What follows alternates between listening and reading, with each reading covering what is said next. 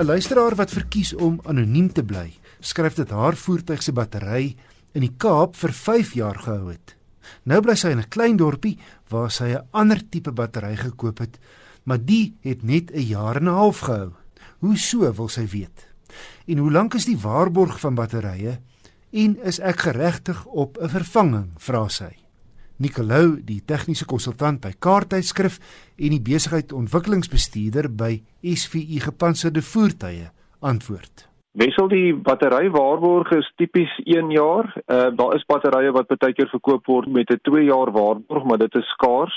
Maar ek kan sê dat 'n battery word ontwikkel om te kan hou vir tussen 3 en 5 jaar as aan 'n mooi na gekyk word. Nou dit kan wees dat uh, die dame se reisiklus het verander want sy het getrek, miskien ry sy baie kort afstande. Mens moet ook kyk, het daai battery miskien leeg geloop of heeltemal pap geraak 'n paar keer. Dis natuurlik skadelik vir 'n battery. En ook is die battery is hy heeltyd skoon gehou of is hy mooi na gekyk? Baie keer is daar ehm um, aanpaksels op die battery self vorm in sy bokant wat nie afgevee word nie, kan ons 'n kortsluiting daar plaasvind en dan ook die battery se lewensduur verkort maar dit is snaaks dat die een battery vir 5 jaar gehou, die volgende net 'n jaar en 'n half en en as die siklus en alles dieselfde was, dan is dit onwaarskynlik dat dit moet gebeur. Ehm um, ongelukkig sou ek dink dis net 'n jaar waarborg, so dit sal ongelukkig vir haar eie sak wees. Ehm um, wat ek ook kan sê is die batteryvervaardigers, die batterye wat op die rak staan in die winkels as jy een gaan koop, mag net vir 3 maande op die rak staan, dan gaan hulle terug na die vervaardiger om daai battery te kondisioneer dat hy weer in 'n nuwe toestand is. So moenie dink dat die battery wat jy gaan koop is al 'n ou een gewees nie. Hy sal net te 3 maande op die rak mag bly. Dan skryf Jan de Bruin Ek het probleme met my bakkie opgetel met betrekking tot die sekering van die flikkerligte asook die noodflikkerligte wat aan mekaar uitbrand en ingee sodra ek die flikkerligte gebruik. 'n Partykeer gebeur dit nie onmiddellik nie, maar na 'n tydjie skryf hy en hy vra, "Hoe kan ek die opsporing van 'n kortsluiting benader en hoe of waar begin ek om die probleem op te spoor en te elimineer?" Dit klink definitief soos 'n kortsluiting wat daar gebeur en dis hoekom daai smeltdrade of sekeringe dan nou uitbrand.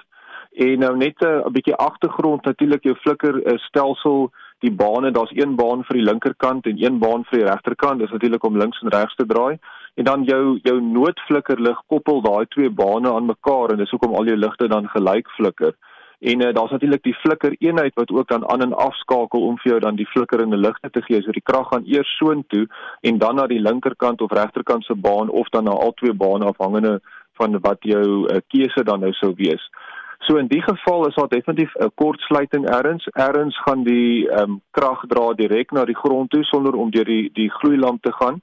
So iets wat 'n mens kan probeer is ek sou sê haal al die flikkerligte uit en haal die gloeilampe uit elke flikkerlig uit en dan vat jy jou multimeter wat kontinuïteit toets en dan gaan jy na die die positiewe of die 12 volt kant waar hy op die gloeilamp se raak is gewoonlik in die middel agter en jy jy kyk vir kontinuïteit van daar af tot op grond tot op die bakwerk. En daar behoort natuurlik nie kontinuïteit te wees nie want die die krag moenie direk op die op die grond op die bak van die voertuig kan wees nie. En as jy al die gloeilampe uitgedraai het dan het jy natuurlik 'n klomp oop bane so dit behoort makliker te wees om dan te kan elimineer waar kom die kortsluiting vandaan So as hy gelukkig is, dan gaan hy op 'n hoek kom en hy gaan die die kontinuïteit kry tussen die kragdraad, die 12 volt en die bakwerk en weet die probleem lê elders op daai draad en dan is dit nou net 'n kwessie van volg die draad waar hy gaan. Ek sal aanneem dat elders is die isolasiemateriaal deurgeskuur en 'n kragdraad raak elders aan die bakwerk. Nicole, hier's 'n interessante een. Martin van Ceres skryf: Ek het op 3 jarige ouderdom uit my pa se 1938 Ford geval toe ek in die ry die deur oopgemaak het en ek het op die teerpad geval teen 60 myl per uur. Nou dis omtrent 97 km per uur vandag. En hy skryf ek het dit net deur die genade oorleef. En hy vra waarom daardie motor se agterdeure van die middel van die motor af oopgemaak het? En nikkel daar is nog Rolls-Royces met hierdie sogenaamde suicide doors nê? nee. Ja, wissel en wat 'n interessante naam suicide deure. Dit ehm um, sê vir jou al klaar dat daar iets gevaarlik met hierdie deure is en jy's reg. Van die nuutste Rolls-Royces het tog van hierdie deure en dis natuurlik om vir stylvolheid om stylvol te wees, maar dis ook interessant waar kom hierdie deure vandaan? As ons in die geskiedenis terugkyk, dan het perdekarre gewoonlik van hierdie tipe deure gehad en uh, net om vir die luisteraars te verduidelik die skarniere van hierdie deure sit dan in die agterkant van die deur. So daar waar jou voete is, dis waar hy begin oopmaak en dan na agtertoe oop swaai. En as jy al ooit een van so 'n deur gebruik het, dis eintlik baie maklik om uit te klim omdat jy jou voete dan so maklik vry kan uitswaai voor die uitklim. Die probleem met hierdie deure is nou natuurlik, die voertuig ry meestal vorentoe en dan is die deur geneig om oop te swaai omdat hy dan na agter toe oop swaai en die wind wat verby die voertuig gaan gaan dan ook daai deur verder oop druk.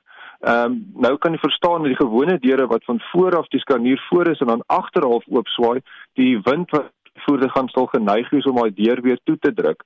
En ook as 'n persoon uitklim uit die kar uit en die ander persoon wat bestuur trek nou al weg voor die persoon heeltemal wegstap van die kar af kan daai daai deur jy ook natuurlik nou vang uh, terwyl 'n gewone deur dan net sal wegbeweeg en dan van self sal toeklap. So dit is maar 'n 'n konsep wat gevaarlik is, maar soos ek sê dit kom van die perdekar daar af en dis hoekom al die ou voertuie ook begin het met saad deure tot hulle besef deur daar's veiligheidsrisiko's en eerder die deur aan die ander kant om oopmaak. Nikkel, dan 'n redelike lang en tegniese brief van Lionel Wolmerans. Hy ry 'n 16 jaar oue Audi A4 3 liter turbo diesel en hy skryf Ek moet O-ring gaskets vervang, nommers 19 tot 23, maar Audi wil of kan nie die gasket groottes vir my gee nie. En dit sommer nou basies sy brief op. Nikkel, jy het vooraf sy hele brief gelees, hoe antwoord jy hom? Ja, ehm um, die probleem wat Lano mee sit is natuurlik hy wil 'n um, bietjie geld spaar op hierdie O-ring seels, uh wat natuurlik heelwat duurder sal wees by 'n Audi agentskap as natuurlik by 'n onderdeelwinkel. En onthou ook dat Audi vervaardig nie self hierdie ou ring seals nie of byvoorbeeld wiellaars nie. Dit kom maar van 'n verskaffer af. So dis hoekom dit baie keer goedkoper is as jy moet wiellaars koop of van hierdie seals om dan na uh, 'n uh, spesialis verskaffer toe te gaan om hierdie parte dan aan te koop omdat jy heelwat geld kan spaar. Natuurlik as jy na die Audi agentskap toe gaan, sal hulle vir jou die presiese regte part kan gee en die kwaliteit van daai part sal gewaarborg wees. Jy gaan bietjie meer betaal. Maar uh gewoonlik sal die persoon wat die parte by byvoorbeeld Audi verkoop nie weet wat die grootte is van daai seël nie omdat dit op 'n partnommer is en hulle nie regtig met die regte groottes werk nie. In die geval is dit nou jammer dat Lyle nie een van die ouring seals as 'n voorbeeld het nie. Hy noem ook in die brief dat hy nie die die voertuig nou die enjin wil uitmekaar maak om een van die seals te kry en dan te gaan soek nie want dan kan hy natuurlik nie ry nie. Hy wil graag die seals in sy hand hê. So in, in daai opsig sal hy miskien beter wees om na al die spesialiste toe te gaan wat gereeld op daai tipe voertuie werk en miskien is hy gelukkig dat daar van daai seels rond lê in die, in die werkswinkel of die persoon weet presies wat 'n seel dit is en dan kan hy miskien een as 'n voorbeeld vat na een van hierdie onderdeel um, handelaars wat dan nou laars, wiellaars en van hierdie seels verkoop dat hy presies kan kyk dat hy die regte seel het want hulle sal as hulle voorbeeld het sal hulle vir jou die regte seel kan verskaf en 10 teen 1 sal mense heelwat geld spaar teenoor om dit by die vervaardiger te kry. So antwoord Nicolou, die tegniese konsultant by Car en die besigheidsontwikkelingsbestuurder by SVU Gepantserde Voertuie. Stuur gerus motornavrae na my deur te e-pos na wissel@rsg.co.za.